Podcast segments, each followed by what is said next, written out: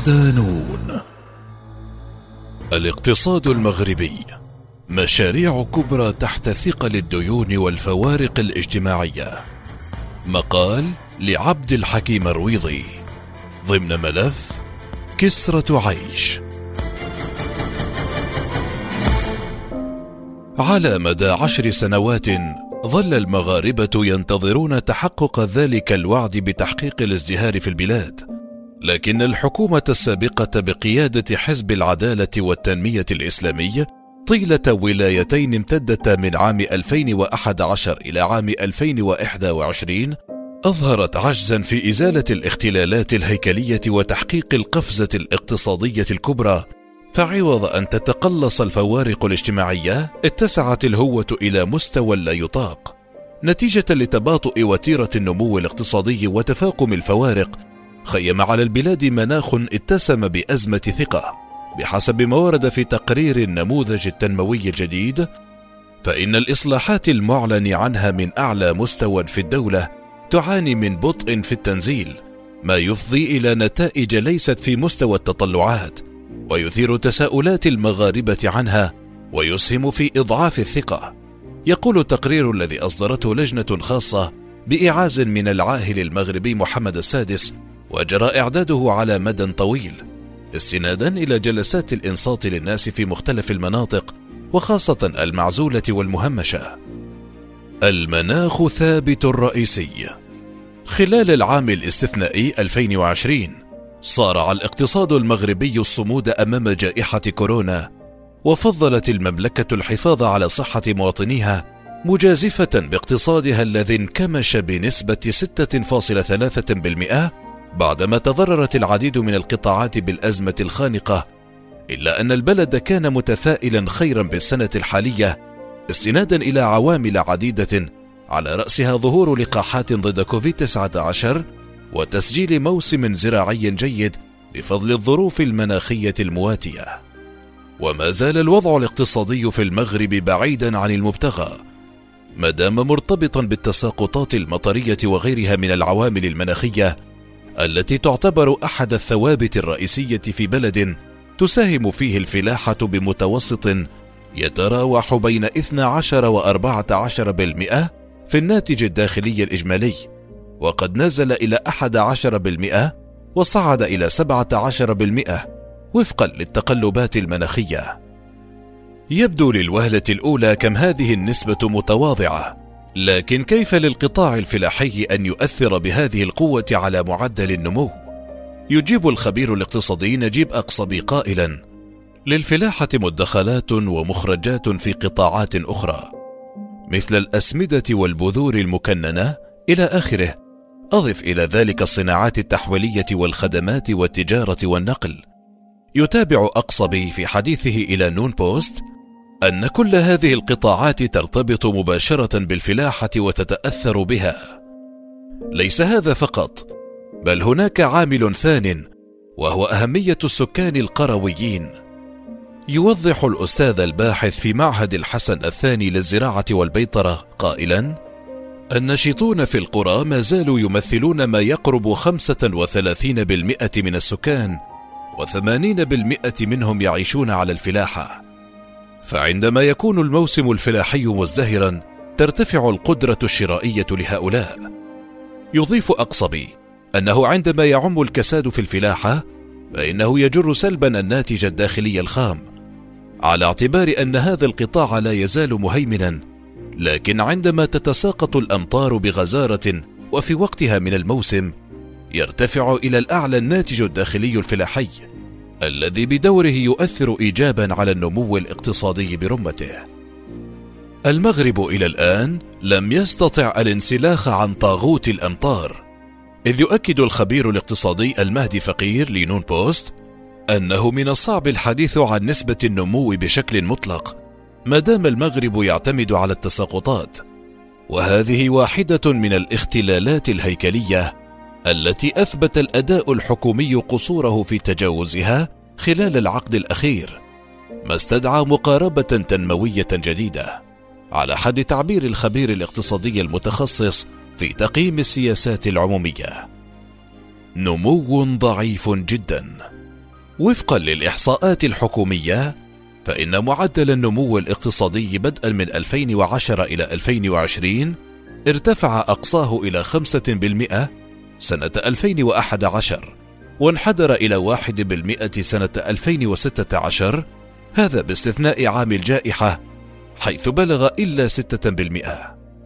الواضح من خلال أرقام المندوبية السامية للتخطيط الحكومية أن وتيرة النمو ضعيفة وتضعف وهي غير مستقرة ومتقلبة خلال العشرية الأخيرة إذا ما أخذنا النصف الأول بين 2010 و 2015 نجد أن الوتيرة الإجمالية تقترب من 4% وفي المقابل سنجد الوتيرة هبطت إلى أقل من 1% خلال النصف الثاني حتى لو استثنينا 2020 يبقى نفس المشكل مطروحا ذلك أن وتيرة النمو تقلصت إلى أقل من 3%. يلاحظ نجيب أقصبي أن معدل النمو خلال هذه الفترة ضعيف جدا. ليس في حد ذاته لكن بالنسبة للطموح والبلدان المماثلة ويضيف موضحا إذا أراد المغرب أن يقوم بالقفزة الاقتصادية يجب أن يحقق نسبة نمو بين سبعة وثمانية بالمئة خلال خمسة عشر إلى عشرين سنة حتى يصل إلى مستوى البلدان المماثلة كتركيا وماليزيا وتشيلي. وفي تقرير المهدي فقير فإن البلد يواجه تحديات الانتقال إلى التصنيع والاعتماد على القيمة المضافة غير الفلاحية هذا فضلا عن التحول الرقمي نحو اقتصاد المعرفة. لا أثر للأزمات العالمية. كان العام 2006 مبشرا باكتساب النشاط الاقتصادي قوة دفع. بعدما حقق نموا استثنائيا بثمانية فاصلة واحد بالمئة بفضل إنتاج فلاحي وفير فاق التوقعات هذا مع إطلاق مشاريع مهيكلة كي تكون رافعة للاقتصاد الوطني كما سجلت الميزانية العمومية نتائج مشجعة وتحسنت النتائج المتعلقة برصيد التجارة الخارجية وسعر الصرف والمديونية على نحو طفيف. لكن سرعان ما انكمش النمو في العام الموالي حيث نزل إلى 2.7% مخيبا بذلك التوقعات. كما تباطأ برسم العام 2008 الذي سجل نموا ب 5.8% أي أقل بنقطة مما كان منتظرا. لكن الأزمة الاقتصادية العالمية آنذاك لم تجرف سلبا الاقتصاد المغربي لسببين رئيسيين يتعلق أولهما بالإطار التنظيمي الذي يتميز بالتقيد الصارم بقواعد المخاطر التي تنص عليها اتفاقية بازل اثنان ويتعلق ثانيهما بضعف اندماج النظام المالي الوطني في النظام المالي العالمي حيث إن حصة الأصول الأجنبية من إجمالي البنوك المغربية لا تمثل إلا أقل من أربعة بالمئة كما أن حصة غير المقيمين في رسملة بورصة المقيم بالدار البيضاء باستثناء المشاركات الاستراتيجية تقل عن واحد فاصل ثمانية بالمئة في نهاية عام 2007 وفي المقابل تأثر الاقتصاد المغربي بالركود الذي عرفه الشركاء الاقتصاديون في أوروبا وخاصة فرنسا وإسبانيا وهي أربع مجالات حيوية المبادلات التجارية والنشاط السياحي وتحويلات المغاربة بالخارج وتدفقات الاستثمار الأجنبي المباشر. تحويلات الجالية المغربية المقيمة في الخارج تمثل 6.5% من الناتج الداخلي الخام برسم عام 2020 حيث ارتفعت إلى 7 مليارات دولار فاصل أربعة لتدحض مخاوف التراجع بسبب جائحة كورونا مقابل 6.9 مليار دولار عام 2019 وهو المبلغ نفسه عام 2018 للبطالة نصيب أيضا من أثر الجائحة حيث تجاوزت 12% من القوى العاملة خلال عام 2020 بعدما استقرت على 10% قبله بعقد. وأقل من ذلك قليلا في العشرية الأولى من الألفية الحالية وهو رقم كبير لمشكلة صعبة تؤرق البلد. إذ حاول تقليصها بخلق فرص شتى بدءا من تحفيز الاستثمار الأجنبي والوطني وتأهيل العمالة وليس انتهاء بالتوظيف الجهوي الذي بغي منه تنمية المجال قصد تقليص الفوارق الاجتماعية. ورشة استثمارية مفتوحة.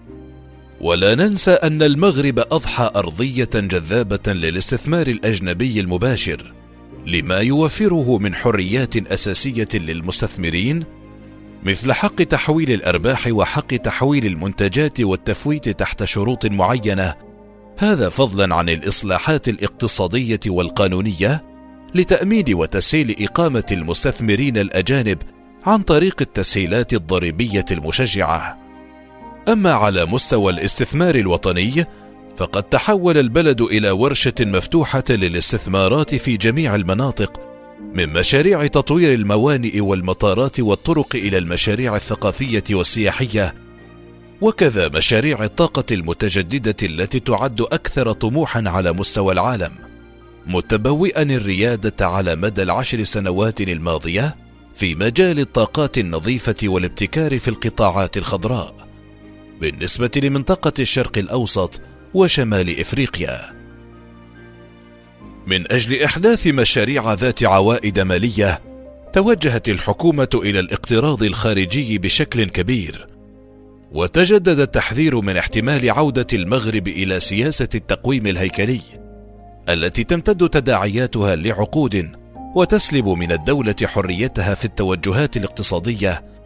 إنها واحدة من أخطر السياسات على الدول إذ تفقدها حرية التدبير الذاتي وتجعلها خاضعة لقرارات المؤسسات المالية الدولية التي لا تراعي بل تهدر الرأس مال البشري في قطاعي الصحة والتعليم على وجه الخصوص. يشير المهدي فقير إلى أن هذه الديون توجه إلى الاستثمار وليس لتغطية النفقات والعرف يقتضي أنه عندما تستثمر فإنك تربح. يضيف فقير أن المجلس الأعلى للحسابات وهو من المحاكم المالية الحكومية حذر من ارتفاع رقم المديونية لإنجاز استثمارات كبيرة. لكنه في نفس الوقت تساءل عن مدى نجاعة هذه الاستثمارات في رد الديون. دوامة المديونية. إذا كانت المندوبية السامية للتخطيط تعتبر أن مستوى مديونية المغرب ما زال قابلا للتحكم فيه فإن الخبير الاقتصادي نجيب أقصبي يعتقد أن الوضع حرج جدا. موضحا قوله إذا أخذنا بعين الاعتبار أرقام 2019 وأضفنا إليها مديونية 2020 أعتبر أننا لسنا بعيدين عن 100 بالمئة من الناتج الداخلي الإجمالي. وفقا لأرقام صندوق النقد الدولي تراجع الناتج المحلي الإجمالي للمغرب من 119 مليار دولار فاصل 70 سنة 2019 إلى 113 مليار دولار فاصل 54 سنة 2020 ومن المتوقع أن يعود للنمو بشكل ملحوظ سنة 2021 بوصوله إلى 124 مليار دولار. إن الأبحاث الميدانية والإحصائية والتجارب المتراكمة تحذر من تجاوز مستوى المديونية نسبة 60% لأن ذلك يعني الوقوع في المتاعب بينما تتسامح أبحاث أخرى وتقول بنسبة تتراوح بين 80 و 90% من الناتج الداخلي الإجمالي. يقول أقصبي: لقد دخل البلد في دوامة المديونية، ذلك أن الحكومة تقترض سنويا ديونا جديدة، ليس من أجل توجيهها نحو الاستثمار وتأدية نفقات من شأنها تحريك الاقتصاد بل تقترض من أجل أن تدفع ما عليها من ديون سابقة. بين حل روبن هود وتنمية المجال يصنف المغرب عالميا ضمن خانة الفوارق الاجتماعية الشاسعة إذ تبلغ الفوارق في مداخيل الأسر 46.4% أي يفوق العتبة المسموح بها اجتماعيا وهي 42% ولعل الحكومة الحالية بقيادة حزب التجمع الوطني للأحرار استشعرت خطورة الوضع ملتزمة بتخفيض معدل الفوارق إلى 39% ملتزمة بتخفيض معدل الفوارق إلى 39% خلال السنوات الخمس المقبلة. يعتقد الخبير الاقتصادي المهدي فقير أن اتساع الفوارق الاجتماعية دليل على فشل السياسات العمومية في تنمية المناطق الهشة ومحاربة الفقر. ومن خلال الاستثمار وإحداث مشاريع من شأنها خلق مناصب شغل. ولا يتفق المهدي فقير مع ما يسميه مبدأ روبن هود كحل سحري لتقليص هذه الفوارق هذا شكل من أشكال الريع المرفوض الذي يشجع على الاتكالية ويضيف فقير قائلا ليس الحل هو أن ترفع الضرائب على الأغنياء وتعطي للفقراء. ليس من العدل أن نعطي الفقير معاونة تم انتزاعها من الغني. على طرف النقيض يرى أقصبي أن النظام الضريبي في المغرب غير عادل وغير منصف لأن من يدفع الضرائب هم الفقراء والطبقات الوسطى. وعلى حد تعبيره لا وجود لضرائب تصاعدية على الدخل المرتفع ولا ضرائب على الثروات الكبرى على الإرث وعلى رأس مال غير المنتج. ويشير الخبير ذاته إلى غياب إرادة سياسية للتحول إلى نظام ضريبي له مردودية يزود الخزينة بسيولة مهمة ويساهم من جهة أخرى في تقليص الفوارق. النخبة لا تسمح أن نذهب في هذا الاتجاه. بل العكس هو ما يحدث. كما يشدد نجيب أقصبي على أن البلد في حاجة إلى سياسات من شأنها ترشيد النفقات العمومية ورفع مستوى الحد الأدنى للأجور في حدود 300 دولار ثم توجيه مساعدات مباشرة للطبقات المتوسطة والفقيرة. مشكلة المغرب الكبيرة أنه لم يستطع إلى يومنا هذا رفع وتيرة النمو. ما زال الناس يرفعون أكفهم إلى السماء استجداء للمطر لأن اقتصاد البلد عجز عن تحقيق استقلاله الذاتي تجاه التقلبات المناخية. البلدان المتطورة هي التي تقوم بدعم وتوسيع الطبقة الوسطى، بينما في المغرب يحدث العكس، حتى إنه في سبعينيات وثمانينيات القرن الماضي كانت الطبقة الوسطى أفضل مما عليه اليوم، وهذا يبعث على القلق من اتساع الفجوة بين الأغنياء والفقراء.